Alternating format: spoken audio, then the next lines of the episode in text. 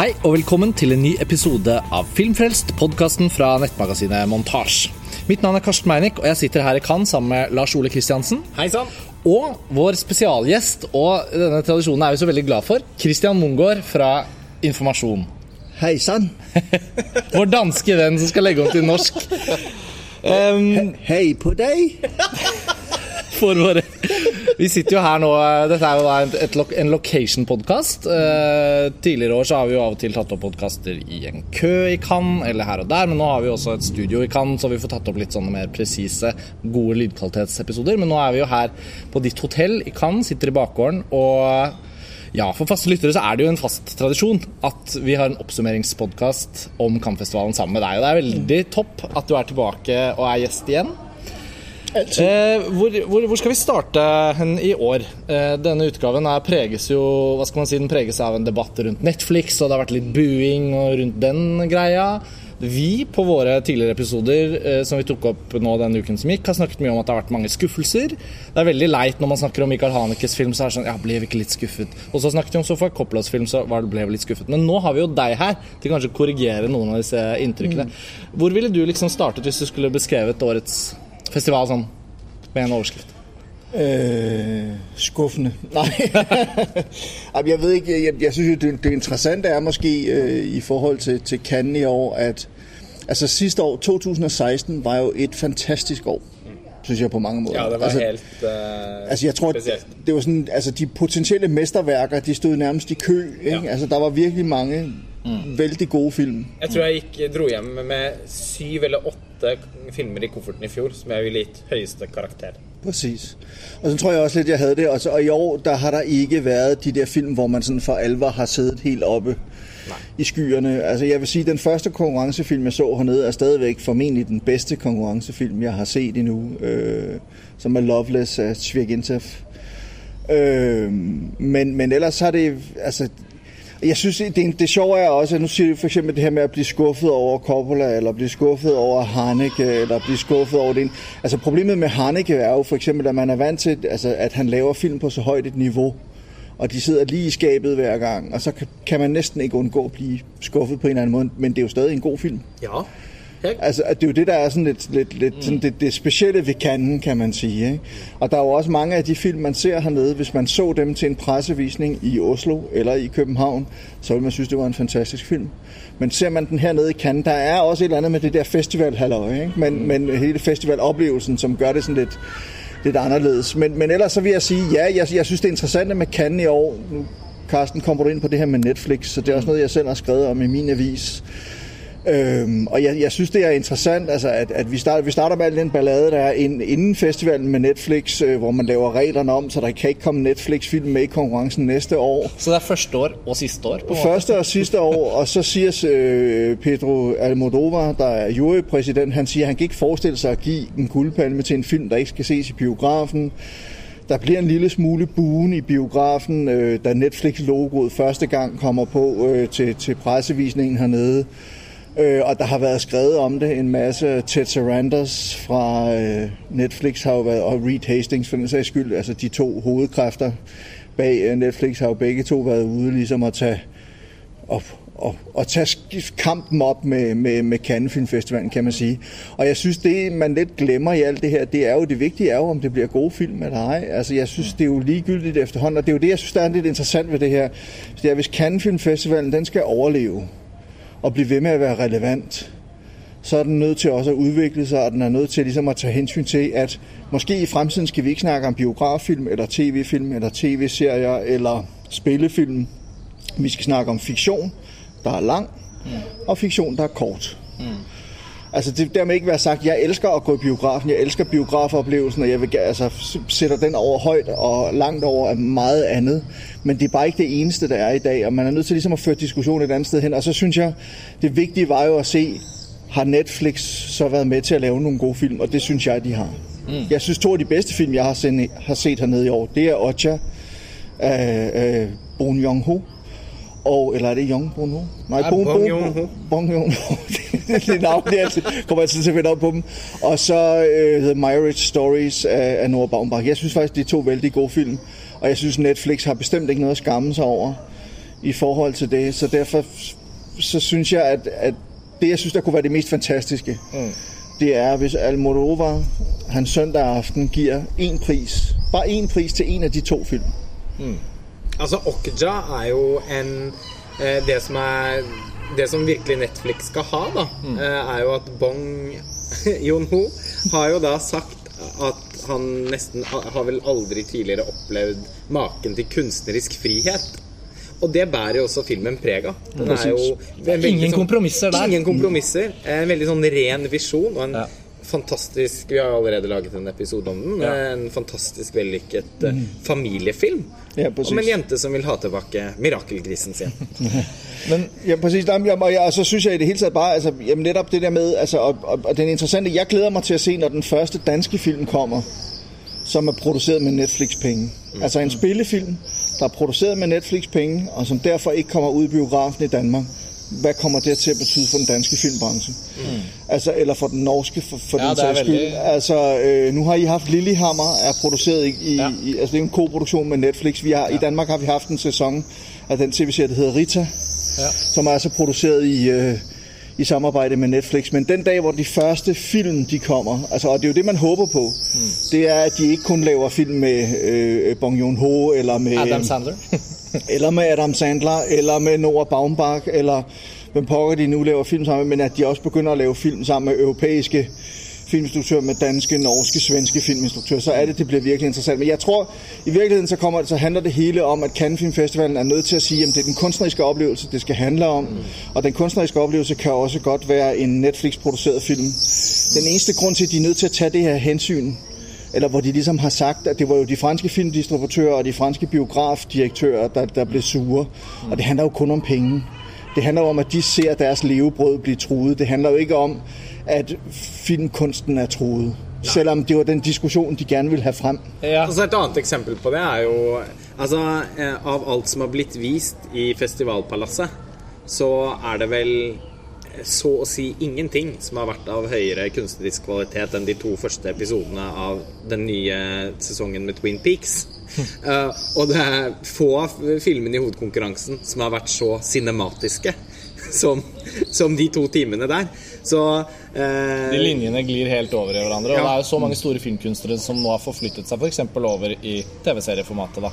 Og da er det jo åpenbart, når David Lynch lager sitt første på en måte, egentlig da, bevegelige bilder, filmverk eller TV-verk på hva er det, 11 år siden Inland Empire, så viser han jo da at ja, det står jo på da kunstneren. Da. Og når Bong igjen sier at han har fått så mye kunstnerisk frihet som han aldri har fått, og alt det marerittet han hadde med Snowpiercer for å få, få den til å bli distribuert sånn som det var meningen at den skulle bli, med Weinstein-brødrene og sånn, så er det jo veldig vanskelig å komme med noe kritisk stikk mot Netflix hvis de faktisk Og ja, til slutt, da, for våre lesere og lyttere, når de har hørt om en film som Okja, f.eks. fra Cannes, da, så får de den om en måned. Ja.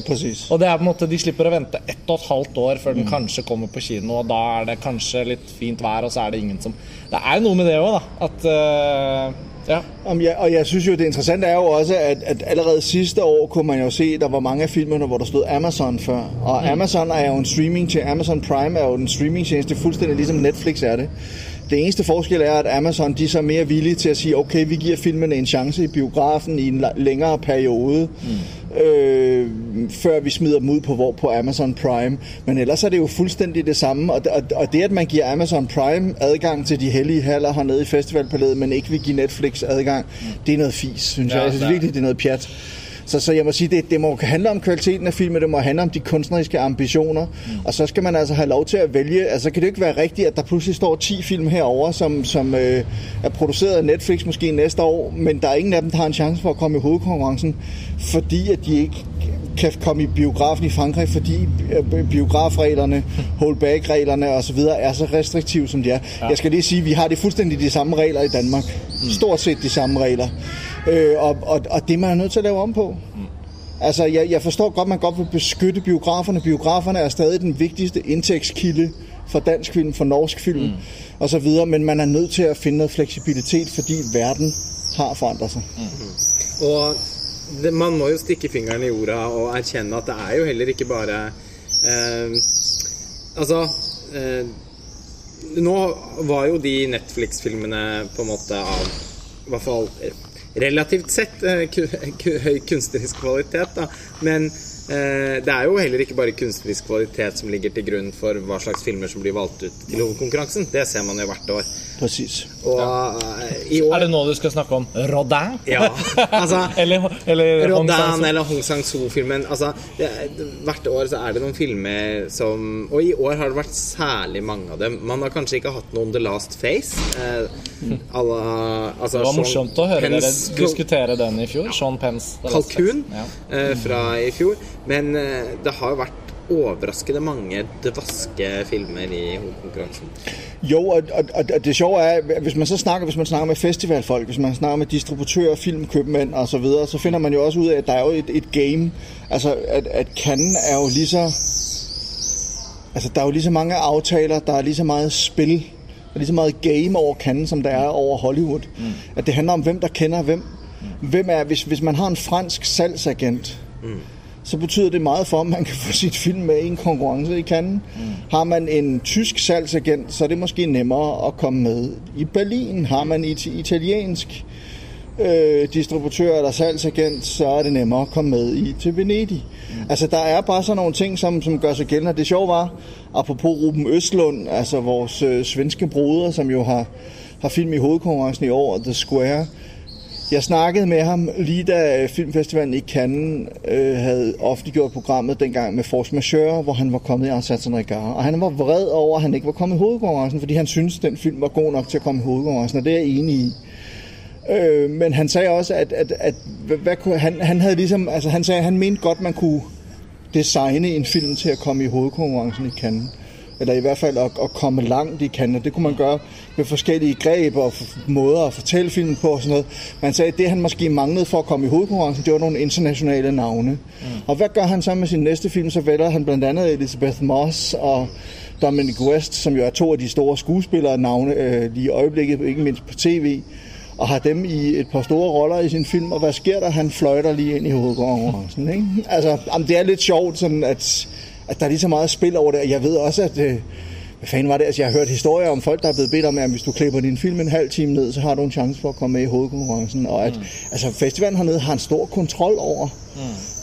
Mange af de film, der bliver vist hernede, og, og hvordan de ser ud faktisk. Større end man tror. Det var mange samtaler om, eh, om Joachim Triers nye film selvfølgelig i Norge før Ja. offentliggjøringen kom. Nå, nå har vi også forstått at den filmen fortsatt ikke er ferdig. da Og at de har fortsatt jobbet med den gjennom hele mai. og sånn og sånn og sånn Men da vi så Francois Ozons La Mandouble i hovedkonkurransen i går, så fikk jo i hvert fall vi også en ny empiri i den samtalen, som er at en film som legger seg så tett opp mot det som sannsynligvis også er den identiteten til Joachim Triers nye film. da En uh, thriller som spiller på både ja, historikken fra erotiske thrillere og sånn uh, personlighets... Uh, ja, Ja, altså dobbeltgjengermotiver, uh, De Palma-inspirasjon, element Ja. Så er det ikke sikkert det var liksom enten Ruben Østlund eller Joachim Trier for den skandinaviske kvoten, men kanskje var det rett og slett Ja, for den mye- erotiske thriller-kvoten. på en For måte det har det vært mye snakk om, at det på en måte Det sto mellom Thelma og The Square.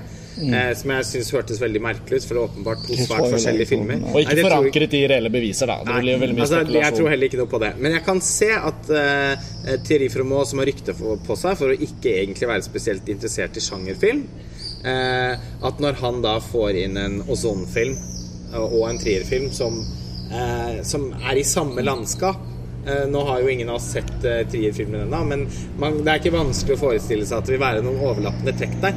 Så kan han føle at nei, det kan ikke være to sånne filmer i hovedkonkurransen, og så har de bare valgt den, av de, den de kanskje likte best. da Og så har ikke Joachim Trier en Elisabeth Moss eller en Dominic West noe sted i Thelma. Og det er ikke Eh, fransk, apropos, sånn som eh, La. Mandoble til Ozon. Og med Than Bob så hadde han Isabellup her. på en måte Selv om jeg føler den filmen selvfølgelig var her pga. kvalitetene til den filmen. Så ja, det er jo interessant å være inne på noe av det spillet. Men vi kom jo så vidt inn på Altså I hovedkonkurransen så har vi jo vært enige om at det har vært mange skuffelser. Men eh, hvis man skulle liksom istedenfor å snakke om de på midten, ha gått litt i begge ender For deg, Christian, altså ved siden av toppfilmene, hva har liksom vært det absolutt verste du har sett i år? Du kan jo velge hva du vil starte med. Ja. Hva er det beste? Hva er det verste? jamen, jamen, jeg, jeg tror faktisk, jeg har været heldig, fordi jeg har, jeg har ikke set alle konkurrencefilmene i år. Jeg har tilladt mig at, at springe nogle af dem over. Det virker som om, jeg har valgt rigtigt Det har du. de fleste af gangene og, og taget de dårligste fra. Men, men det er meget interessant, fordi at jeg vil sige, at det er mere sådan nogle af de mest interessante film, jeg har set hernede. Altså øh, Cornel Mondruscos Jupiter's Moon og for så vidt også øh, Sergej Lotsnitsas øh, A Gentle Creature har begge øh, altså startet meget stærkt og haft nogle interessante bud på at fortælle his, altså relevante historier nu og her. Den ene handler om flygtningesituationen, den anden handler om et Rusland, der ikke fungerer et korrupt og korrumperet på alle måder Rusland, øh, menneskeligt, moralsk forarmet osv. Øhm, og der har de sådan ligesom begge valgt sin meget, meget radikale måde at fortælle den her historie på, lidt anderledes måde måske også, og begge to falder fuldstændig fra hinanden til sidst. Og det, det synes jeg er synd, altså, når man har noget, som, som på en eller anden måde er så godt som det er. Øhm, og, ellers altså sådan øh, voldsomme skuffelser, ved jeg ikke om... Altså jo, jeg var, jeg var meget overrasket. Det var så ikke en konkurrencefilm, men øh, Arnaud Desplechin's nye film, Ja. som jeg pludselig ikke kan huske, hedder. Øh, eller, Ismails Ghosts. Ismails Ghost. Jeg har ikke sett den selv, men Lars Ole har jo også helt forfærdelig. Jamen, det var virkelig mærkeligt, ikke? Og, og det er sådan, at jeg kan godt lide Desplechin, ja, Ja, jeg jeg synes, han er dygtig og sådan noget, men hvorfor vælge sådan en, et, noget, sådan noget rod? Nei. Det virket som han hadde sittet og drukket uendelig mange flasker rødvin sammen med Mathieu Amalrik siden sist. Men- men det, var et, det var et fyllerør av en Altså, film. og det, apropos det der med, vi snakker om, hva Thierry Fremont han har makt hernede. Altså, jeg har hørt, at, at, at den film hadde de sendt inn tidligere, og så har han sagt, du er nødt til å klippe den om. Så har de klippet den fuldstændig om, og så har de fått den med i hovedprogrammet, dog ikke i konkurrencen. Men altså, den makt har Fremont, og, og så meget vil man så gerne ha. Ja. Lite, et lite småfly Ja, er passerer over oss. Ja. Jamen, de holder øje med os, tror jeg. øh, og så meget ville man gerne have Desplechin med i hovedprogrammet. Men, men det undrer mig lidt, og det, det, det, der faktisk undrede mig mest i år, det var, at, man ikke, at det ikke var, øh, hvad hedder det, øh, Valerian, øh, Luc Bessons nye store film. Ja, altså, som kommer her til sommer. Store Hvor- science fiction-filmer. Hvorfor åbner den ikke filmfestivalen? Ja. Altså, måske er det Besson, der har sagt nej, måske er den ikke færdig. Ja. Øh, måske vil festivalen ikke have det, men de ville have været mere oplagt. Men i hvert fald, jeg, jeg ved ikke, om jeg har haft altså, vidt mange skuffelser, men det er mere, altså sådan nogle, øh, altså, jeg kunne enormt godt lide både øh, Oja, som er, øh, øh, øh, Bong Joon-ho, og og jeg kunne, godt, jeg kunne faktisk godt lide Wonderstruck og Todd Haynes. Hmm. Jeg synes også... du skal ikke hmm mig ja. Altså, den, den, jeg ved godt, der er mange, der ikke bryder sig om den film, men jeg har et eller andet, jeg synes, øh, det, altså, det, den er jo, bogen bag er jo skrevet af samme mand, som skrev bogen bag Hugo af Scorsese.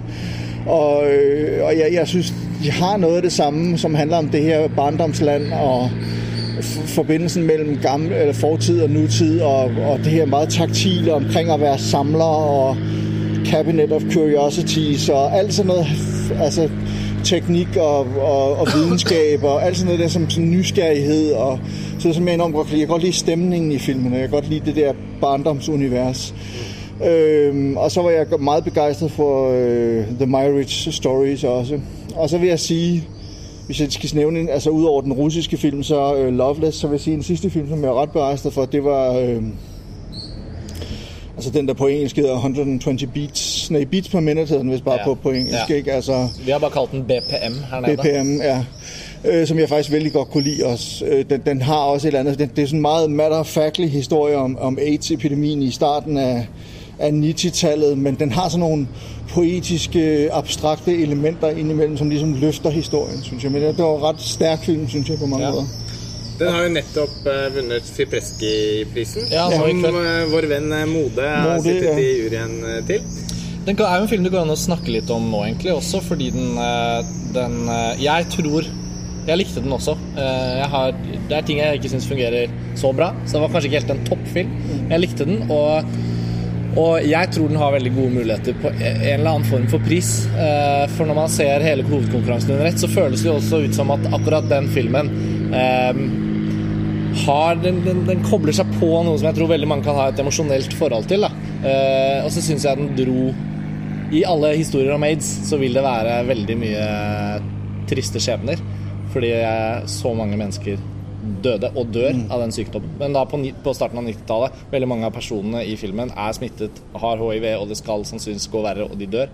Sånn at den veldige sånn i siste halvdel av filmen så ble det et veldig sterkere fokus på bare liksom at det ble nesten litt sånn en dødsmesse. da.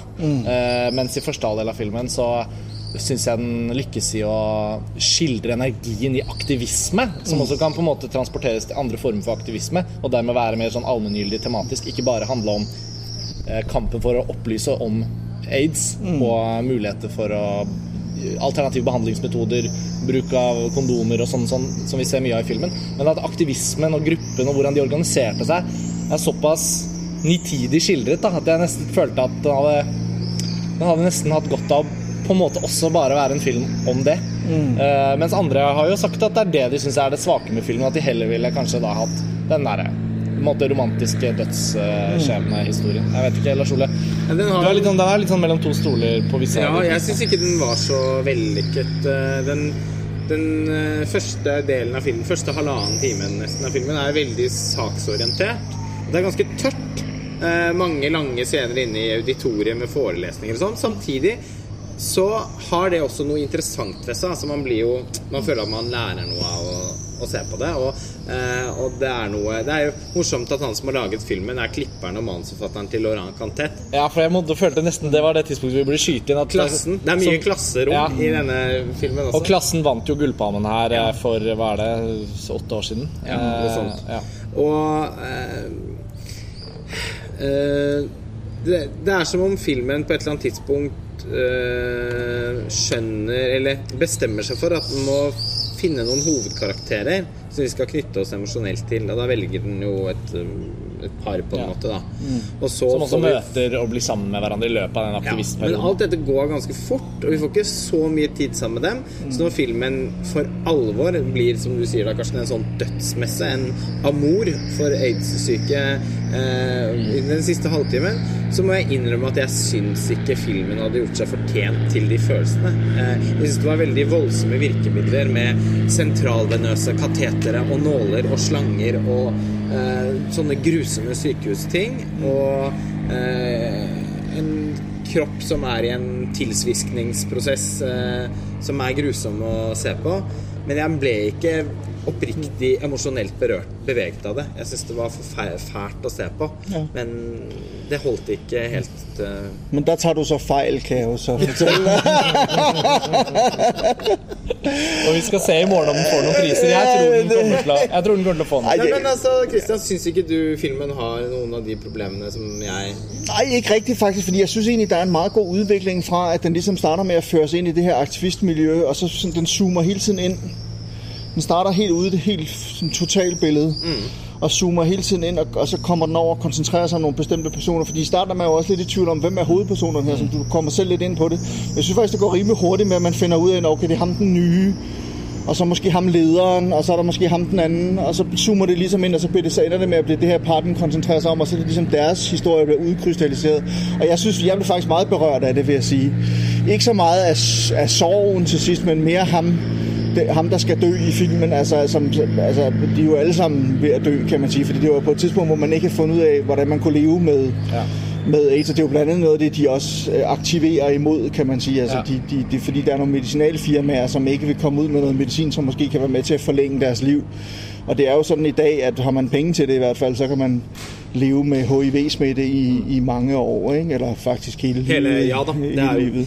Det er jo ikke Ja, for der har det skjedd enorme I, fremskritt. I Vesten så er jo ikke dette en realness mess eh, lenger. nei. Men så du Pride? Ja, det gjorde jeg. Ja, for det er jo også en aktivistfilm ja, ja, med aids som bakteppe. Jo, men helt sikkert. Altså, jeg, jeg vil bare sige, at jeg, jeg, jeg synes bare, ligesom den, den starter ud i det her totalbillede for mig at se, så zoomer den så bare hele tiden ind, og det kan jeg egentlig meget godt lide. Jeg kan godt lide den måde. Jeg, jeg synes, jeg elsker den der energi, der også er i det. Mm. Altså, og, de der billeder, man har den røde, den blodfarvede scenen, og man Ja. har, øh, der er sådan et, et totalbillede også oppefra, hvor de ligger og alle sammen skal forestille at være døde til sådan et, en demonstration, og har sådan en hvide kors liggende på sig sådan noget. Der er sådan nogle, ja, præcis, og der er nogle dansescener også og sådan noget, hvor jeg synes, den får sådan nogle poetiske elementer og får sådan lidt, lidt tekstur og nogle abstraktioner, ja. Ja. som jeg enormt godt kan lide. Ja, nei, altså det, men det er jo en film som det er fint å komme litt inn på også. Ikke bare fordi jeg tror den har muligheter i priskategoriene, men det er jo også en, det er jo også en av de regissørene som Han har jo laget film før, men han eh, er jo ikke en av de man da har gått med veldig høye forventninger til Nei. i Cannes. Så det er litt sånn Robin Campillo, som han heter, som har jobbet masse med Laurent Canté som manusforfatter og klipper.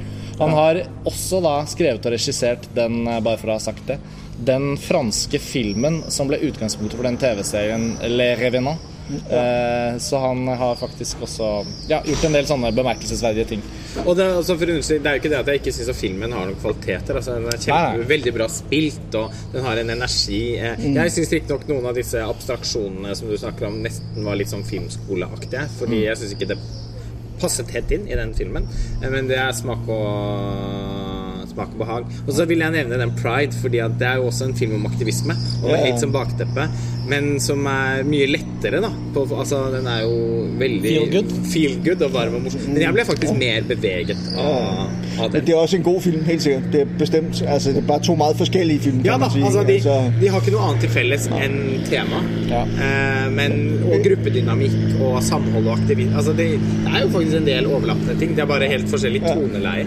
Jeg kan så fortelle, jeg snakket med, med Campillo øh, og, og hans film. Altså, det, det er en personlig beretning. Altså, det er ham selv, der, der ligesom, han er sådan, skulle noget, putte noget af sig selv ind i forskellige af de der personer og sådan noget, men, men han har ligesom oplevet mange af de ting. Han var selv medlem af ACT UP. Øh, Deltok i den gruppen. Ja, præcis. Ja, okay. og, de, og Jimmy Somerville fra øh, Erasure, ikke? Kom, nej, ikke Erasure. Jo, Erasure. Erasure. Altså Jo. en av de to Erasure. Ja, men, øh, altså ham, der synger Ja. øh, på et tidspunkt. Ja, præcis. Han, han, han kom, de holdt en koncert med ham. Han støttede Act Up og sådan noget dengang, Ja. øh, der i 90'erne og sådan noget. ikke? Og han er også med på soundtracket i... øh, Er det ikke, er det ikke Erasure? Ja, ikke spør meg. Jeg, jeg er jeg ble litt usikker. eh, eh, for jeg, altså, nå Det har jeg helt jernteppe ja, nu, I snakker lige om noget andet, så googler jeg. Men, Ja, men det kan vi gjøre. Altså, jeg Men altså, vi kan, vi, du kan flytte oss over til uh, uh, noen andre pri, altså mulige priskandidater, kanskje, da, som vi ikke har snakket om. jeg, jeg tenkte i hvert fall på, fordi vi snakket om det rett før vi startet Bronski Beach. selvfølgelig. Beach, Ja, ja. Erasure er helt men Ja. Bronski Beach, ja, selvfølgelig. Da ble det avklart med musikken. Ja. Men det, det har jo skjedd et lite skifte på festivalen de siste to-tre dagene. For nå helt på slutten så har det jo kommet en del konkurransefilmer som både har holdt et ganske høyt nivå, men som også har vært litt mer sånn sjangerpreget. Litt mer underholdende, rett og slett. Eh, Good Time av disse Safti-brødrene fra New York. Har du sett den, Christian? Den så jeg desværre ikke, og, og det er sådan en av dem, jeg er nødt til å prøve å fange her på, på, på siste dagen, Ja. ikke? Øh, til reprisene. Det, det er jeg nødt til. For det var jo da egentlig den filmen som igangsatte denne korte perioden med litt mer sånn sjangerorienterte filmer. Og eh, for å bare oppramse for lytterne, da. Eh, Safti-brødrene har laget litt sånn low budget-ting i New York eh, siste tiår, egentlig, men får jo egentlig sitt skikkelig gjennombrudd her.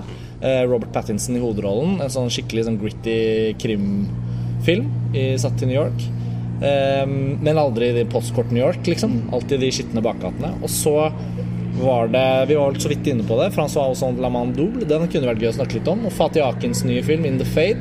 Og også da kanskje Lynn Ramsays film. Men det er den siste filmen i hovedkonkurransen. Den skal ikke vi se før i kveld, Lars Ole, så den får vi kanskje spare. Men uh, Francois Ozon Jamen, Jeg var meget begejstret for den. Det var en herlig film. Øh, det var det, og det var en film, som skal man næsten ikke afsløre, hvordan den starter, øh, hvordan den åbner filmen, men Aha. det er alligevel... Øh, Den har fire-fem bilder i starten der som er ganske øyeåpnende. Ja, det må man sige, og åbner alt muligt andet også. øh, men men det, det, det sjove er, at det, det er sådan en meget, meget fræk måde at, at, at starte en film på. Og, og jeg sad og tænkte, da jeg så det, på den ene side, så sad jeg og smilede ved mig selv og tænkte, fantastisk. Og på den anden side, så sad jeg og sagde til mig selv, det har du bare ikke gjort. Det har du bare ikke gjort. Det har du ikke gjort. Og det hadde han gjort. Ja. altså, vil godt sige, det er jo det er en, det er en, en, en, et, en, en vaginal undersøgelse, kan vi vel godt sige. Det er det, den starter med, som så bliver klippet over i et øje, hvor der løber en tårer ud af. Og det er sådan noget netop, man vil se De Palma gøre, eller til nød Hitchcock, dog uden Det er uden, uden, uden, øh, uden vagina. Men, men det er så, eller Cronenberg kunne have fundet på at gøre det, eller Polanski for den sags skyld. Det er sådan noget, altså som, som de der psykoseks, øh, seksuelle thrillers, der blev lavet i, i 80-tallet og 70-tallet til, i høj grad. Ikke? Altså det er jo sådan en, den, den, den, den refererer ligesom til en masse af de der ting, og det er det, der er sjovt ved den, det er, at han, den er meget, meget kulørt, den er meget morsom, Ja. ja. den er meget dramatisk, den er meget sexet, Og det var sådan, man får hele pakken på en Ja. gang, og, og det er sgu ret sjovt. Altså, det Ja, det, altså, det var en så vidunderlig eh, fornøyelig film å oppleve i kinosalen. Eh, den er jo et slags amalgam av Brian De Palma og David Cronenberg og Roman Polanski, og litt Pedro Almodovar. Eh, altså ama- mange av de beste tingene som fins på denne jord. En drømmefilm? Er, en, en, en drømmefilm, rett Han og slett. leverte den jo også så jævlig bra innenfor det. Ja, altså det Åpningsshotet med den eh, gynekologiske undersøkelsen er jo egentlig ikke det aller første bildet i filmen. Det er en Ja, slags fortekstsekvens ja. før den, eh, som da begynner med eh, Det er bare et sirkelformet bilde på midten av lerretet av hovedkarakterens ansikt dekket av vått, stripete hår, eller vått hår, for hun er hos frisøren, som henger ned ved ansiktet hennes som striper, og det ser ut som ansiktet hennes er delt opp i typ sånn åtte deler, og så blir hun klippet. Det var som å komme inn i en Almodovar-film. Eh, Ja, det var det. og så, før vi vet ordet av det, så er den i Cronenberg-land. Og eh, ikke tar det vel mer enn fem minutter før det blir en split screen og split diopter-basert dialogsekvens. Ikke mange shot reverse shot i denne filmen. Og man er i De Palma-land. Altså, for en eh, For cineaster så er jo dette en, virkelig en godtepose. Etter at vi så den i går, så tok jo vi to Lars Ole, tok en sånn her runde med Francois Ozon. For jeg er sikker på at mange av lytterne våre har sett mange av filmene hans. Han er jo veldig produktiv regissør. Men det er også litt sånn som å føle at det er ikke en toppfilm hver gang. Og det er ikke alltid han lager filmer i sjangere man er så interessert i. Altså, for deg, Christian, Ozon, er det en filmskaper du liksom Hvor nært forhold har du til, til hans filmer? Jeg har måske et nære forhold til ham, fordi jeg efterhånden har interviewet ham 10-15 gange. Eller Ja, sådan noget. Det, han er nok den filminstruktør, jeg har interviewet allerflest gange efterhånden. Er det sånn high five når det? Ja, det, vi, vi hilser i hvert fald pænt på hinanden. Ikke? Ja. Øh, og sidst, det er kun et halvt år siden, eller otte måneder siden i Toronto, hvor jeg snakkede med ham om Frans, hans Ja. ja. forrige film, som jo var et, et krigsdrama. Ikke? Altså det, han, han er... Manden er simpelthen så alsidig og så produktiv. Han laver ligesom Woody Allen, laver han stort set en film om året, og han laver film i forskellige genrer hver gang, og han visuelt laver han noget nyt hver gang. Og man har lidt indtrykket af, og han har også selv snakket om det, at, han, at det han gerne vil, det er ligesom, han vil gerne udfordre sig selv hver gang. Han vil gerne finde en ny måde at fortælle en historie på. Det handler næsten mere om måden, han kan fortælle historien på, end om den historie, han skal fortælle. Og jeg holder meget af ham. Altså, jeg synes, han har lavet, fantastisk. han har lavet nogle... Det er rigtigt nok, han rammer ikke plet hver gang. Men han har lavet fantastisk film. Jeg synes, Frans var en virkelig god film. Og det synes jeg også, den nye her, den er... Øh, han har lavet film som Potiche, som jeg er ret vild med, Swimming Pool, som, Ja, den, er her, den, fantastisk. som den her del af et vist ja. slægtskab Det har jo litt tilbake til Swimming Pool Ja. og eh, Under sanden. Ja, ja. eh, som er liksom de to thrillerne hans. Ung og vakker òg hadde jo denne. Ja, for den må vi jo trekke inn. Den var jo i Cannes for noen år siden. og samme skuespiller. Ja, Marin Vakt. Ja. Sa de begge i kor. Hun er, var jo var et talent i Ja, men i Jeune Jolie så tenker man sånn Oi, han har funnet den perfekte, talentfulle eh, liksom unge franske skuespillerinnen til dette prosjektet. Det man ser nå, er at hun er en jævlig bra skuespiller. Mm. Så nå er det sånn Ok, så Marin Vakt skal kanskje komme og bare ja. Overta en viss type Hun er en sånn, en sånn blanding av en sånn litt sånn enda vevrere Natalie Portman eh, med liksom litt av My Venn. Og litt uh, Eva Green. Litt evergreen, Green, ja. Så, nei, Men hun er veldig god, og så... ja. Og øh, Jeremy Renier, er det det? Ja, heter? Jeremy Renner. Ja. Frankrigs Jeremy belgiske, Renner. ja. øh, Eller belgiske, frank, belgisk-franske Jeremy Renner. Ja. Jo, men det er, det er en veldig god film, synes jeg. Og, og, og, altså, jeg vet ikke, hvor meget vi skal snakke om, hva den handler om, men, men den har jo liksom hele tiden det der, de der temaer omkring dobbelthed og tvillinger, og der er masser af spejle i den, og, og gjenspeilinger genspejlinger, og katte, og trappe, Hva hvad hedder det, trappeopgange, Ja. og altså masser af symboler hele vejen igennem. Ikke? Ja. Og, og det virker som om, han har moret sig vældigt med at lave den her film, mod selv. Han har syntes, det var sjovt Ja. at lave den her Ja. film. Altså Det er virkelig. virkelig av det. Og, man, og det er konkrete referanser til både Sisters av De Palma, Dead Ringers i Kronberg, eh, eh, Rosemary's Baby med denne nabodamen med kakene.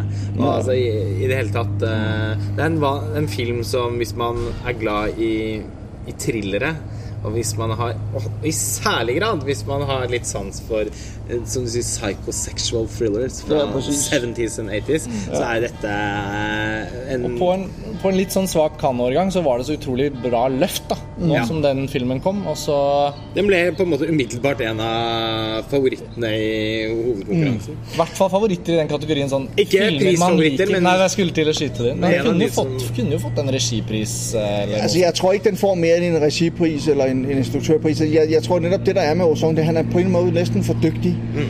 Altså, fordi den er så glat, og den er så vellavet, og den er så, altså, det, det sidder sådan lige i øjet, det hele, ikke? Og det er jo det, han kan. Han er jo simpelthen så elegant, når han laver film. Det virker så ubesværet. Lidt ligesom med Clint Eastwood, han laver film. Altså, det er sådan, det, der er ikke, han træder ikke ved siden af. Det, det, det hænger ligesom bare sammen, ikke? og det flyder derud af. Og det virker som om nogle gange, at han på den måde også sådan, selvom han er en arthouse-instruktør, ligesom bliver sin egen værste fjende. Altså i forhold til det der, fordi det, det, det ser...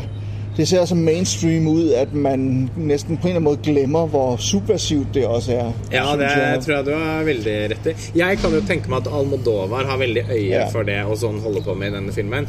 Men uh, samtidig så er det av erfaring man har jo, Uansett, man vet jo aldri med Cannes fordi det er en ny jury hvert år. Yeah, yeah. Men det er en typisk film som blir beundret, og som får gode kritikker. Det har den fått. og Den har vært uh, stort sett ganske unison positiv mottakelse av filmen, men som likevel ikke ender med å få noen pris. Good Time av Safti-brødrene derimot tror jeg kan ta med seg noe, for den har åpenbart gjort ganske inntrykk på, på folk. Og en ting var det, altså Du nevnte jo i stad, Karsten, at den er gritty, eh, men den er også den er også veldig sånn syrete og fargesprakende. Det er en av de mest stiliserte filmene som jeg har sett i Cannes i år. Den har fantastisk synth-soundtrack og har i det hele tatt veldig mye til felles med en bestemt type kultfilm fra ja, også 70, egentlig, og enda mer 80-tallet. Altså, det er vanskelig å ikke tenke på John Carpenter og Live and Die in, in LA til uh, Friedkin. Altså, den har noe sånn Kanskje noe litt sånn Ferrara-aktig energi. ja, ja det også. Så det, altså, den uh, Og han Robert Pattinson-karakteren er en litt sånn Snake Plisken-aktig type. Kommer seg ut av Snoker seg ut av alle situasjonene, de ofte veldig kompliserte situasjonene som han havner i. Så den har også en litt sånn det er en sånn B-film-glimt i øyet på den filmen som eh, appellerte veldig Og den har også veldig mye overskudd. Det er en film som eh, Alle har sett bilder på film hvor en bil Rollefigurene er i en bil, og så kjører de av gårde, og så er det et helikoptershot, liksom, så får vi se bilen ovenfra. Så denne filmen så følte jeg de hadde funnet en måte å gjøre det også stilisert bortenfor det vanlige. Så er liksom helikoptershotet da også et sånt form for zoom-shot. Pluss at bilen nesten ser ut som den er filmet inni GTA eller et sånt førstepersons dataspill, hvor den gikk liksom litt fort, beveger seg fortere i bildet enn det føles som det er mulig at den kan gjøre. Og det delte den også litt med Jupiter's Moon. Noen sånne litt sånn svevaktige kameraskildringer. Enda mer i Jupiter's Moon, da, som vi to likte mye bedre enn deg, åpenbart. Men, eh, men eh, jeg syns de Safti-brødrene da viser at de virkelig kan med det. Og så er det kanskje da nok en gang litt sånn at siste 15-20 minuttene, da så går den kanskje litt tom for uh, noe av det Ja. den har vært veldig bra på. Ja, det-. Men uh, reprisevisning i morgen, det må du bare Ja. Hva er det for noen andre filmer du har lyst til å trekke frem da, Christian? Ja, men det er sjovt. Nå har I så ikke sett Len Ramsey, men den har jeg så sett, og den synes jeg faktisk, altså den, den kan noen av de samme ting, og det er det der med, når, altså i Ramseys tilfelle har vi jo å gøre med en, en europæisk filminstruktør, en skotsk filminstruktør, som, som tar fat i en meget, meget amerikansk genre, altså film noir. Og så med Joaquin Phoenix i hovedrollen øh, fortæller sådan en, en, en historie, som man måske har set fortalt mange gange før. En mand, som har en masse traumer, som øh, øh, forsvarer de uskyldige. Altså han hjælper med at finde børn, som er blevet væk, og gøre skade på dem, som har kidnappet børnene, eller hvis det er unge mennesker, eller et eller andet. Altså han, han er sådan en, der går inn og forsvarer Hva heter filmen igjen? You Were Never Really Here? er You det? never really, Ja. never really here. Øh, og han, han, han er en, en, en tidligere krigsveteran og FBI-agent og sådan noget, som nu virkelig er sådan helt nede på bunden, men alligevel kæmper for det, han tror på, øh, og bliver betalt for det så. Men, men, men altså, der, der er sådan et eller andet, der, altså, det er sådan en, på den måde en, en velkendt hævnhistorie, eller en mand, som ligesom skal forsøge at rehabilitere sig selv på en eller anden måde, og, og, og kunne se sig selv i spejlet igen. Og så kan hun bare et eller andet med stemninger, og med musik, og med lyd, og det er jo Johnny Greenwood, der har lavet musikken, som er, er meget sådan disharmonisk, øh,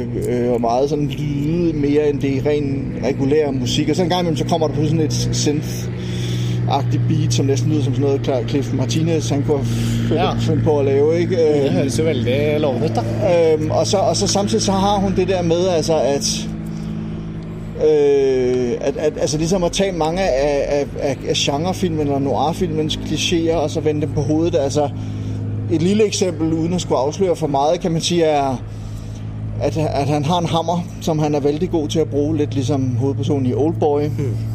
Det stammer sig i øvrigt fra den bog, som hun har baseret, øh, den historie, hun har baseret filmen på.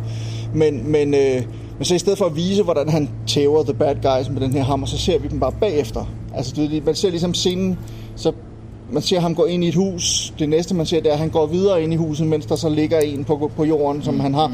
Altså, man ser ikke alle de der kliché-ting, man ligesom ville se. Det er nogle andre ting, hun fokuserer på. Mm. På den måde, og, og masser af små detaljer. Så det er meget sådan et portræt af den her mand, ligesom øh, We Need to Talk About Kevin var et portræt af en kvinde, mm. og øh, Ratcatcher og Morvan Caller på, på så vidt også, altså hendes tidligere film, portræt af, af enkelte mennesker i sådan et, et, et meget bestemt miljø på en eller anden måde. Hun, jeg, jeg synes, hun, hun kan et eller andet med stemninger og med lyde og med billeder, som, som er ret fantastisk, altså, og som løfter for meg å se den her sjangerfilm opp på, på noe annet mm. nivå. vil jeg Og den har vel også vært med å løfte opp da siste tredjedelen av festivalen. Ja, de siste hovedkonkurransefilmene. Vi har jo hatt noen morsommere dager nå Ja. enn det vi hadde på midten Ja. av festivalen, hvor det var en slags tørke og eh, både takket være filmer som vi ikke har valgt å lage filmkveldsepisoder Ja, om, ja. Men vi- vi- eh, men også uh, Men en film jeg bare, Nå kom jeg på når du sa også Og du har jo nettopp sett den i går. 'The Killing of a Sacred Deer' av Jorgos Lanthimos, som lagde 'Dogtooth', og så 'The Lobster'. Eh, Den har jo også bruk av en sånn eh, Både musikken og det liksom, den måten han vrir liksom det spesifikke universet på, ved hjelp av de visuelle virkemidlene og lyd. Syns du den filmen holdt, eh, holdt samme nivå som Ramsay, eller setter du Ramsay over den? Ej, jeg kunne bedre lide Ramsey, vil jeg sige. Mm. Øh, men jeg kunne også godt lide uh, The Killing of a, a Sacred Deer. Jeg synes også, han, han kan et eller andet, hvor man siger, de her fuldstændig altså vanvittige universer, de bliver placeret. Det er et meget stiliseret univers. Det har jo ikke ret meget med... Altså, jeg, jeg synes, det der er interessant med det, det er, at han jo i virkeligheden altså, stiller sådan nogle moralske, etiske spørgsmål, som, som er sådan meget almengyldige, og som vi alle sammen kan forholde os til, og nogle mennesker, som man på en eller anden måde måske kan identificere sig med, men så alligevel er det jo foregår det jo i de her stiliserede næsten, abs- næsten abstrakte universer på en eller anden måde, ikke? som sådan er øh, symbolladede universer, som, som er ret fascinerende. Jeg synes, øh, ham, den unge Ier Barry Keogh, der spiller den unge mand i den, han Ja. er virkelig fantastisk. Han er virkelig uhyggelig øh, i han var den film. sinnssykt uhyggelig. Dette er jo den filmen med en av de fire Nicole Kidman-prosjektene som er Ja, med det. Og det er Nicole. Kidman og Colin Farrell spiller dette ekteparet som, eh, som rammes av en situasjon. Det er også en film det er gøy å ikke si for mye om, Ja. synes jeg. Ja, den det før man ser den. Men uh, det er en kjernefamilie på mange måter, med de to som et uh, ganske happy ektepar. Og så begynner det å skje noe. Eh, så faller det hele fra grund af en forkert, en, en forkert...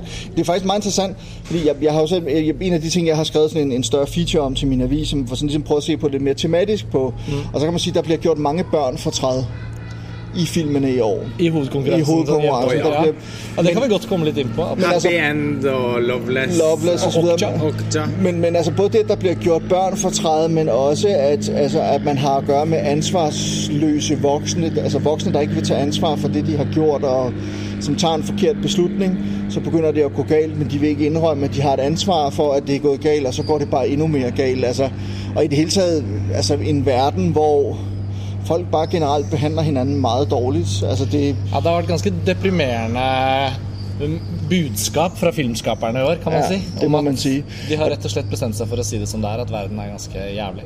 Præcis, og, så, altså, men, og der vil jeg så si, at, og det gælder faktisk også både Ocha og, øh, og The Meyerowitz Stories, men de to film har dog trods alt noe håp, så også mm. noget lys mm. ude for enden av tunnelen der og sånt. Men selv de to film, som, som er nogle af de mere lette, kan man sige, Wonderstruck for den sags skyld, som jo, Wonderstruck og Otja er jo begge børnefilm eller familiefilm, men, Men alle- ja. men de har lidt mere lys i sig ja, end, end den filmen som kanskje handler nesten aller mest om dette, og som ikke har en strima lys, det er jo 'Loveless' av Svea Gintze, Mm. som du startet å snakke om at kanskje var den filmen du har likt best. Vi har hatt kanskje litt uflaks med småflyene og fuglekvitre her i bakgården, men vi får bare håpe at lytterne bærer over med at det er litt stemning i lydbildet i denne podkasten. Men jeg vil faktisk si, jeg, jeg, jeg synes faktisk, der er noe, også noen interessante ting. Altså, jeg synes, noget av det, som jeg synes er sjovt hernede, det er jo, hvis man... Øh, altså hvert år synes jeg, man, man tager herfra med noen billeder på nethinden. Altså nogle, nogle ting, som man virkelig har lagt mærke til. Og der er jo selvfølgelig altså åbningsskuddet fra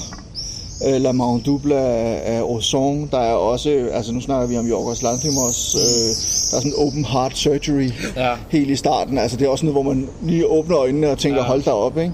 Men så synes jeg, der er et billede i Loveless, som jeg aldrig kommer til at glemme, og som er taget ud af jamen, Edvard Munchs skridt eller ud af en horrorfilm, men som er... Altså, den filmen handler jo om, om, om det her ægtepar, som er ved at gå fra hinanden. De skal skilles. Hvem skal have den 12-årige søn? Det er der ingen af dem, der vil have, og de skændes om det. Sønnen overhører det, og på et tidspunkt så er der en, der lukker en dør, og så bliver det afsløret, sønnen står bag, den her 12-årige dreng står bag døren, og skriger, skriger et lydløst skrig, mens tårerne løber ned ad kinderne på ham. Og udover at man bliver helt forskrækket over den her, at han pludselig står der bag døren, så er det også bare så hjerteskærende. Det er noget af det, der har gjort allermest ondt på mig hernede på festivalen, og som jeg tror, jeg kommer aldrig til at glemme det billede af den her dreng, der står og skriger, uden at skrige, og som er helt desperat. Og, og det synes jeg, jeg synes, det er et godt billede på det tema, der netop også kører igennem hele festivalen hernede, eller hovedkonkurrencen, altså de her fortabte børn, mm.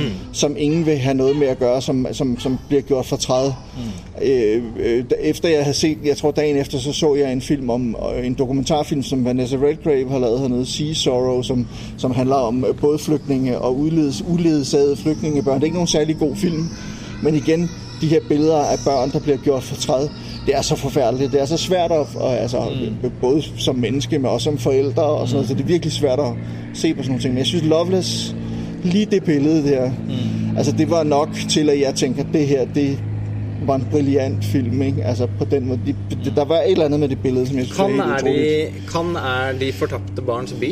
Ja, det, er tæt på. Ja. Eh, Men ja, altså det bildet fra Loveless som alle har snakket om under hele festivalen, det er ikke noe tvil om at det har festet seg som kanskje det aller sterkeste filmøyeblikket fra, fra noen av filmene. Og det skal bli spennende å se om det er sterkt nok til at, uh, til at den filmen går hele veien. Den har fra starten av vært snakket om som en slags gullpalmefavoritt. Nå er det noen som, De har ikke sett Lynn Ramsay ennå. Nå er det ganske mange som har begynt å snakke om den filmen også. Ja.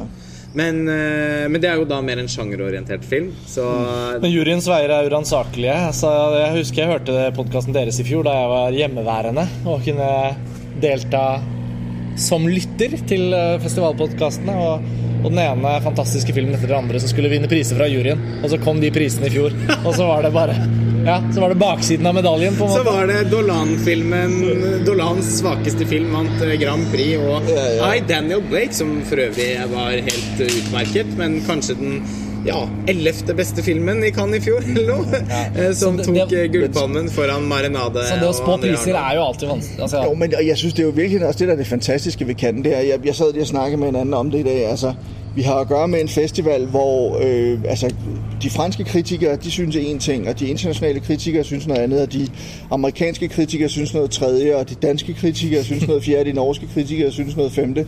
Og det kan godt være, selvom kritikerne så på en eller anden måde måske man kan få en idé om, okay, det er Loveless, der fører, og så har vi Lynn Ramsey på en anden plads, og så kommer der måske noget øh, BPM ind i midten der et eller andet sted.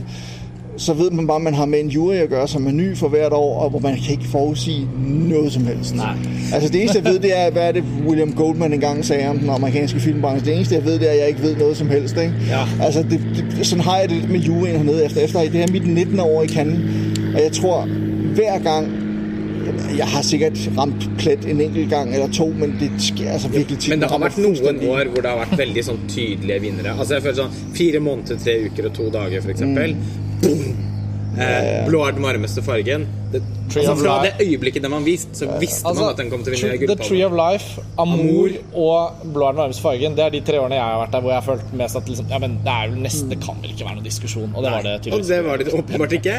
Mens de siste årene har det skjedd merkeligere ting. Altså, det var vel ingen som hadde trodd at Deepan skulle vinne i 2015. Nej, altså tror jeg, jeg, jeg har også nogle gange fornemmelsen af, at der sidder måske en af de der instruktører, som så er jurypræsident, som sidder og tænker, nu skal jeg Ja. fandme vise, at jeg er min egen herre. Altså, du sådan, nu skal jeg lave et eller andet Dere tror dere vet hva slags Altså- film jeg liker, Ja. men nå skal dere se. Ja, ja, præcis. Men Øh, kunne ikke, da, kunne ikke da Ruben Østlunds The Square faktisk Sagtens. være helt der oppe blant de tre-fire som kan vinne gullpalme? Jeg. Altså, det er den filmen der nede som har hatt mest sånn ja, men, Konkurransens mest spennende film å snakke om. Om, altså, mine, mine tre bud, øh, som jeg har skrevet i avisen også, det er Loveless som, num, som nummer ett, og så er det BPM som nummer to, og så er det The Square som nummer tre. Ja. Altså, det, det, det tror jeg, men, men, men der kan jo, altså igen, det er jo det der med, at det er så uforudsigeligt, og så har vi jo også en Grand Prix, og vi har en Prix de Jury, og der kan også laves en særpris, hvis man gerne vil det. Og det er jo 70-året i år, så måske ikke, må ikke der kommer sådan en prit øh, Ja.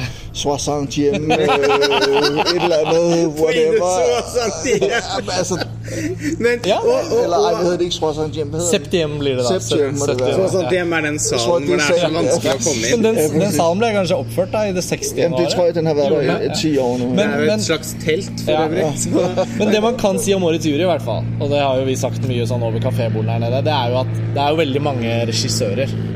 Og, og vi har, det er snakk om at Pedro Almodovar, Park Chan-wook, Maren Ade, Paolo Sorrentino, Will Smith Altså, de skal sitte der og diskutere disse filmene, da. Og jeg tenker at Jeg vil eh, gerne være flue på veggen. Ja, og- ja, det. Det, Ikke bare i år.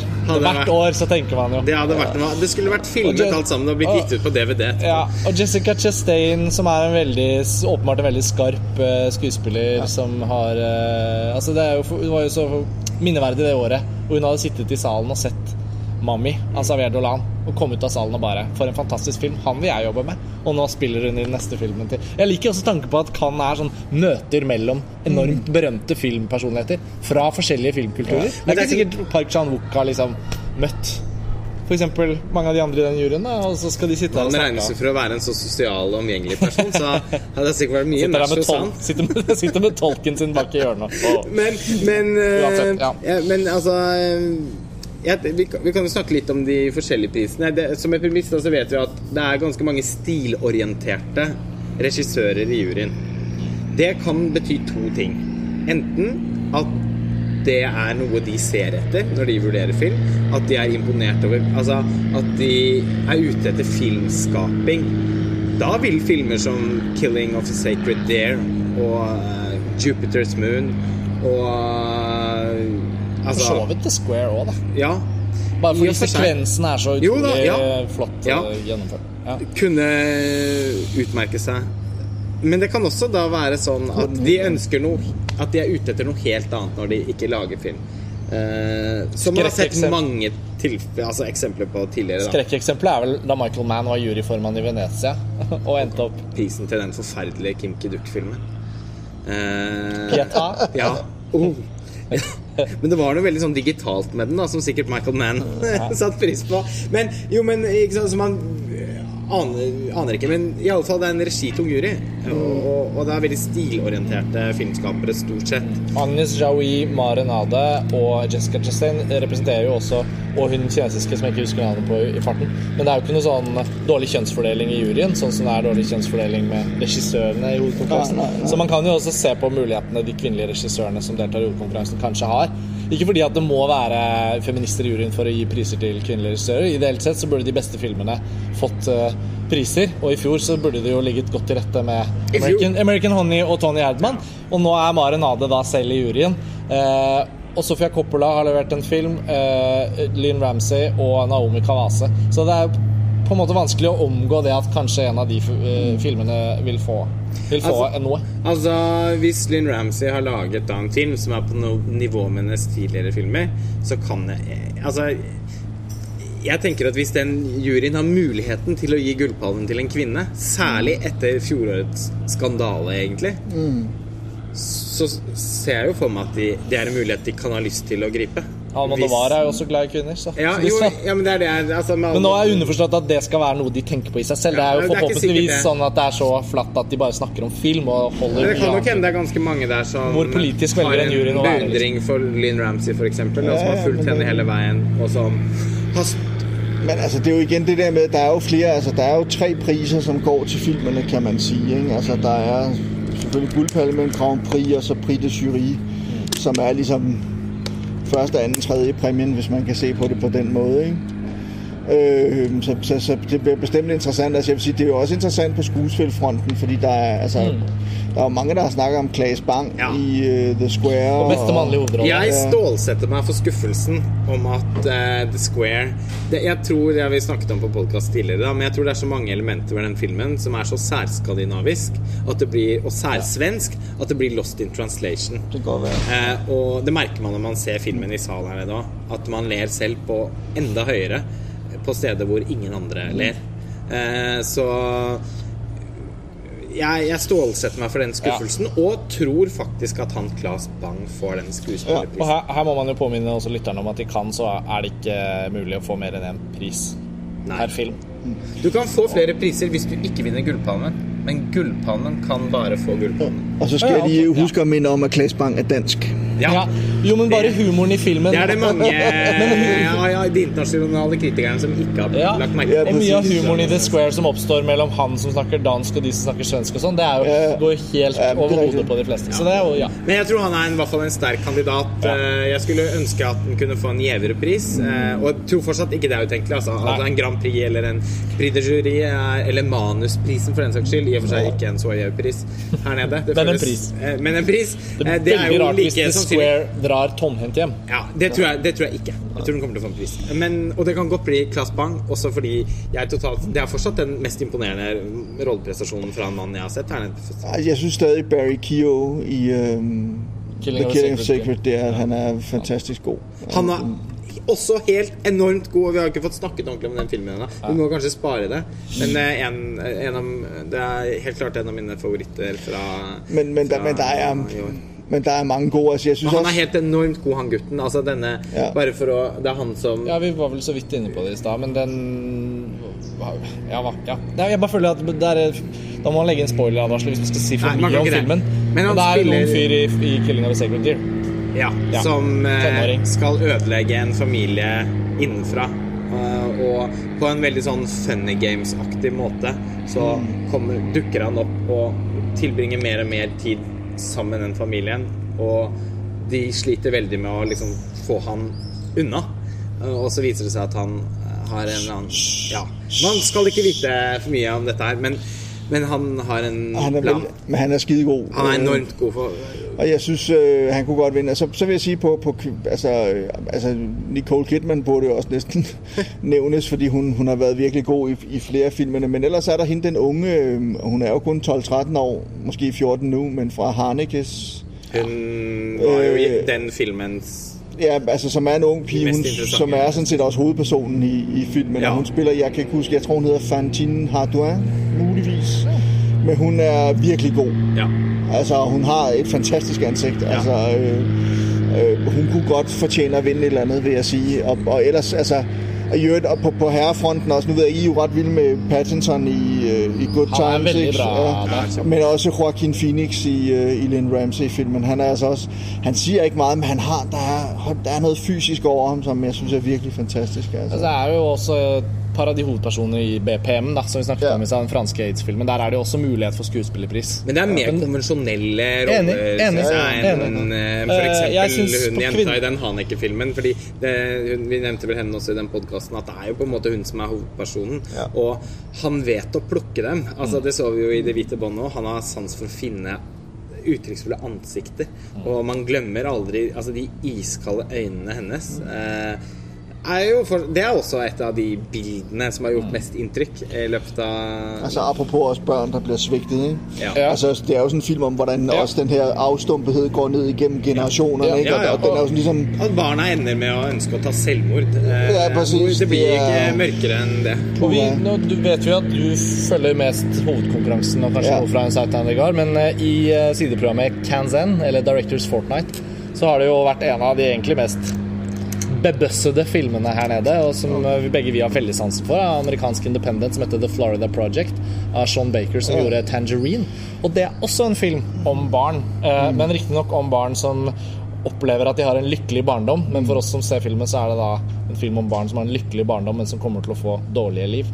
Fordi omgivelsene de lever i, eh, måten de blir tatt hånd om. Vi ser at ikke det er bra, men filmen fokuserer veldig på deres umiddelbare barndom, Og liksom, kanskje egentlig den første følelsen de får av at det livet de lever, kanskje ikke er så, så bra. Så den tematikken rundt barnas har gått også- tilværelse har Ja, det igjen, sier en faktisk. tråd gjennom hele festivalen, Ja, Ja, jeg tror- inkludert sideprogrammet. Altså, jeg har godt nok kun sett en enkelt film i gang, men det var Wind River. Og den har jo også det tema. Jeg vet ikke, om I har set den? Nej, vi har ikke set den. Altså, Taylor, Sicario-mannen. Der er jo Jeremy Renner, den Ja, amerikanske det er Jeremy Renner og Elizabeth Olsen, og det er Taylor Sheridan, som skrev ja, Sicario og Helen High Water. Ja. Det er hans instruktørdebut. Han er skuespiller oprindeligt, og begyndte i en alder, han er 47 nu, begyndte i en alder af 40 at skrive manuskripter. Ja. Sicario var hans første manuskript. Øh, Helen Highwater nummer to. Wind River nummer tre, og som han sig selv har instrueret, og det er en brilliant film, synes jeg. Altså, den er, hvis I kunne lide Helen Highwater, så vil jeg også kunne lide den her. Altså, den er virkelig fantastisk. Det er sådan en, der både handler om mennesker, og så fortæller den samtidig om USA. Et USA, som er ved at falde fra hinanden, og i det her tilfælde altså foregår den i sådan et, et Native American øh, miljø i en af de her, i et af de her reservater, øh, hvor der er et par unge piger, der bliver slået ihjel, øh, voldtaget og slået ihjel. Og det er, øh, den er virkelig, den er virkelig god. Altså, Ja. den, den kan jeg virkelig Den er også anbefale. bleak, da, eller? Den er ret mørk i det, Ja. vil jeg si. Øh, Skriver seg inn i årets. Som det meste jeg har sett der nede. men, men ret fantastisk. Og så var det sjovt å møde uh, Taylor Sheridan, fordi han er virkelig en festlig, altså en meget interessant mand. Altså netop det her med, at han har vært skuespiller i så mange år, så er han å skrive manuskripter, og han er virkelig god til det. Ja. Øh, så ja, Veldig bra.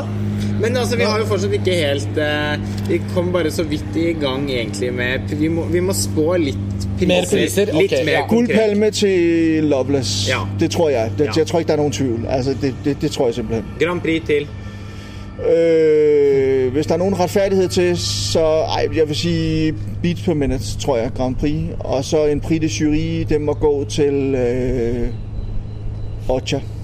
Ja. Hva med skuespillerprisen? Skuespillerprisen, så ser vi den unge pige fra Hanekes film fra Happy End. Hun skal have den kvindelige, og den mandlige, det er så fordi, at det altså, uh, jeg siger Joaquin Phoenix i uh, You Were Never Really Here. Nå har du ikke gitt noen priser til The Square, da, så da kan jeg ta Nej, det. Vi får se. Manusprisen, da. Jamen, det kunne man jo godt, altså, fordi Eller der er- regiprisen. Jamen, jeg, jeg synes måske, ja, instruktørprisen, for han, jamen, nej, instruktørprisen skal næsten gå til øh, Ozon, Ja. fordi det er så dygtigt lavet, øh. La Main Men så kunne man så give Ruben Østlund, man kunne godt give ham manuskriptprisen, fordi altså, det, det er jo en film, som... Altså, jeg synes jo, det der med sådan, øh, øh, hvad hedder det, øh, årsag og, og konsekvens, altså, det er sådan lidt det, den handler om også, ikke? Og, og det, der, det er sådan et, et spil domino-brækker, han stiller op, og så kører det alle mulige steder og vikler sig ud af en af anden. Det er ret godt skrevet, synes jeg også.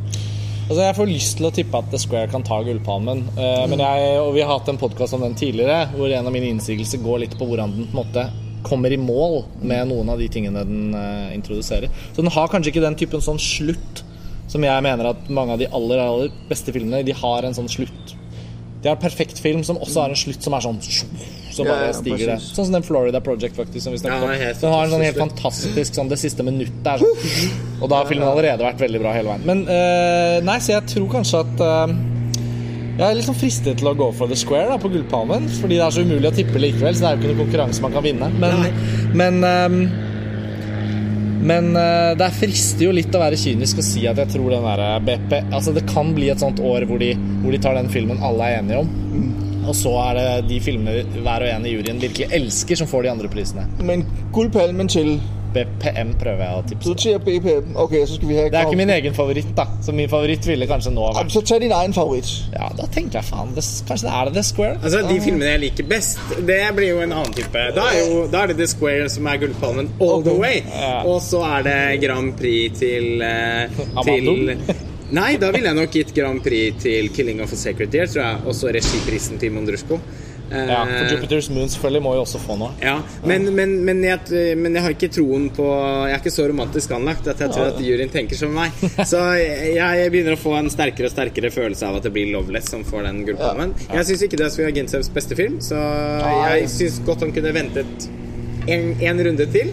Jeg syns den har noen problemer i den, andre, i den siste halvdelen. Jeg syns den første halvdelen er markant best, selv om det er et par utrolig bra ting senere i filmen også.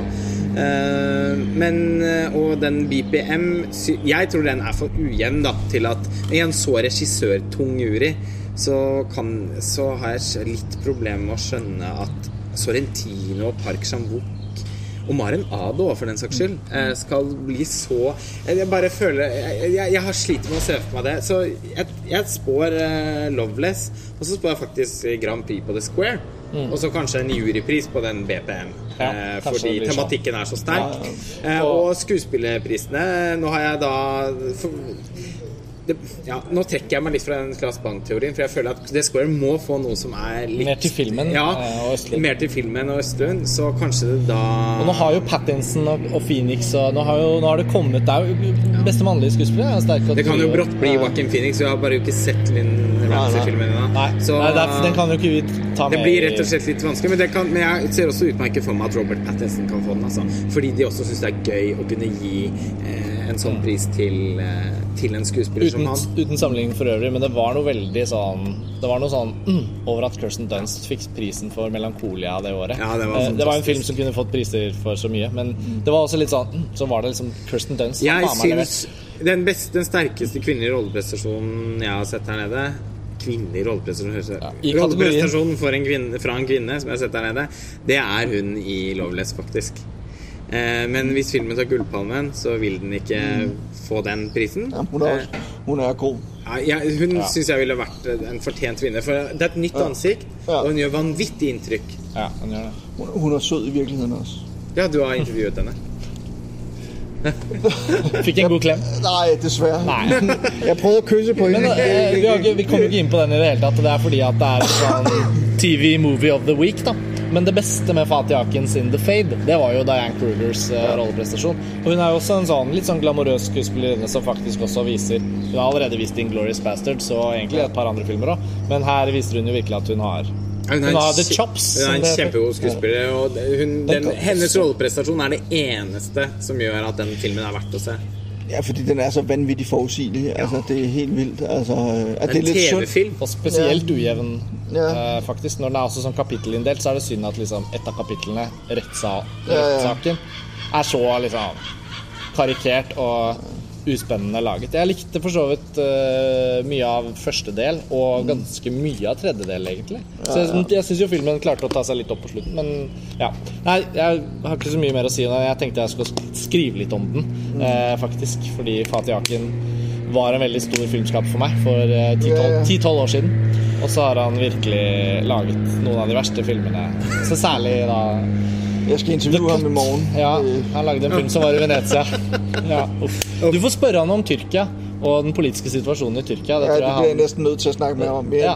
det end... så kan du sende materialet over til politisk ja, eh, avdeling i, det i informasjon. Det er vel ikke så mye å tolke og, og, og, og diskutere i den filmen. Den er rimelig Man kan, si at, en til en, man, man kan si at han har tatt en historie om terrorisme i Europa i dag og fått det til å handle om at eh, det faktisk ikke er sånn at det er muslimene som begår all terror. Selv om Ja, ja, måte, altså sånn, Det er snudd, Så da. på den måten er den politisk ja, også. fordi det er veldig mange høyreekstreme, voldelige angrep. Eh, Altså, Norge har jo hatt det verste av dem, på en måte, men, mm. men ny, nynazi, altså Fremveksten av nynazister og høyreekstreme som begår veldig mange drap og rasistisk motivert vold. Og her har vi et eksempel på den historien. Så Sånn sett så har historien en veldig viktig funksjon. Det er bare så synd at han ikke klarer å lage en bedre film ut av den historien. Men, Ja. eh, Men jeg, Diane Kruger som en mulig kvinnelig Ja, men helt klart hun er en mulighet. Jeg vil også tenke vil også tenkt på jenta i Happy End, og på faktisk Nicole Kidman i 'Killing of a Sacred Deer'. Dog er det en birolle, så jeg føler den må gå til en hovedrolleperson. Jeg syns hun til Loveless har utmerket seg veldig, da. Men, men eh, jeg kan også være med på tanken om at hun fra Happy End rett og slett kan finne på å få den, den prisen. enig, Eh, men på regi så har jeg da Da, jeg, da tenker jeg Georgios Lantimos. For den filmen må få noe. Den er så eh, Jeg tenker at Tror du ikke det? Jamen, jamen, jeg har, jeg, jo, jo, men jeg, det er ikke fordi, jeg er uenig, altså, men, men, men det er mere, det, det, er sådan, det er svært at se, hvordan fanden... Altså, det er jo rigtigt nok, hvis man ser på det sti, stilistiske i den, så burde både Ozon og Landimos, så burde de få et eller andet af de instruktører, der sidder... Det går an å i- dele prisen. Hva Det med, gjorde i fjor. med Sofia Coppola, da? Nei. Det har vi ikke kommet inn på. Det er jo en film som Hun kan også få regiprisen, faktisk, for The Ja, ja. Fordi det er en film de, altså, de aller fleste syns er veldig solid og god. Jo, jo. Eh, Det er lite blomstrende entusiasme for den. Eh, Jeg syns det er hennes svakeste film. Men eh, den og i hvert fall minst interessante film. Men det er sikkert en film det er lett å bli enig om at det er veldig godt laget. Ja, ja, bestemt. bestemt. Så Men ja, det er sgu litt short. Øh, Jeg vet ikke. Men, plus, men som sagt, vi har ikke sett Nei, Ramsey-filmen, så den kan hende den snur. blir en egen. Ja, det vinner alt, rett og slett. Nei, men uh, jeg gleder, Vi må komme tilbake til 'Killing of a Sacred Deer' på et eller annet tidspunkt. Jeg fikk sett den veldig sent på festivalen. Ja. Men det var, den representerer en enorm opptur for meg etter en lang ørkenvandring med Rodin og Hong Sang-soo og ja, holdt på å si det som verre er. Ja. Eh, så var det nok få en et litt- lys i tunnelen. Du skal nok få litt jobb og en litt sånn sur pille å svelge med den Loznitsa-filmen i morgen også, som Ja. du skal se på reprisevisning, som er to og en halv time lang. Men det kunne også være at skuespillprisen går til Adam Sandler. Nei. Meyerowitz Stories. Nei. Oh. Nei. han er, han er, han er, han er skitbra! Eller hva er det du heter på norsk? dritbra! Dritbra! Det er det, det var svensk. Det er Okay. simpelthen for langt ord. Er det Det Han er Sandler? skidegod i den filmen. Nei, Elsa. Jo, Han er, han, Det er han. han er Han på er sitt ganske god. absolutt beste i Punch Drunk Love. Og det er det beste han og kan han gjøre. er god i den her. Og så Ja, er han god. god i Wedding Singer, og også i denne. Det er nivåene jeg vil og Funny People. Ja, eh, litt under de to her, da. Så Funny People 50 First. Dates. Ja, den er ikke sett. Og Happy Gilmore. Ja, den, den så jeg ganske mange ganger back in the day. Det Skal vi oppsummere der? Vi Skal, får- skal vi la Adam Sandler være Ja, Adam Sandler vinner det hele. Guldpalme Ja, ja. og Så kommer vi tilbake i Prøv at høre, 2018 og hvis det kunne være sjovt, hvis de nu gav på guldpalmen til Nora Baumbach, og så øh, sammen med Adam Sandler og Ben Stiller, Dustin Hoffman, Emma Thompson og Hva hedder hun, hende der spiller søsteren? Det kan jeg plutselig ikke huske.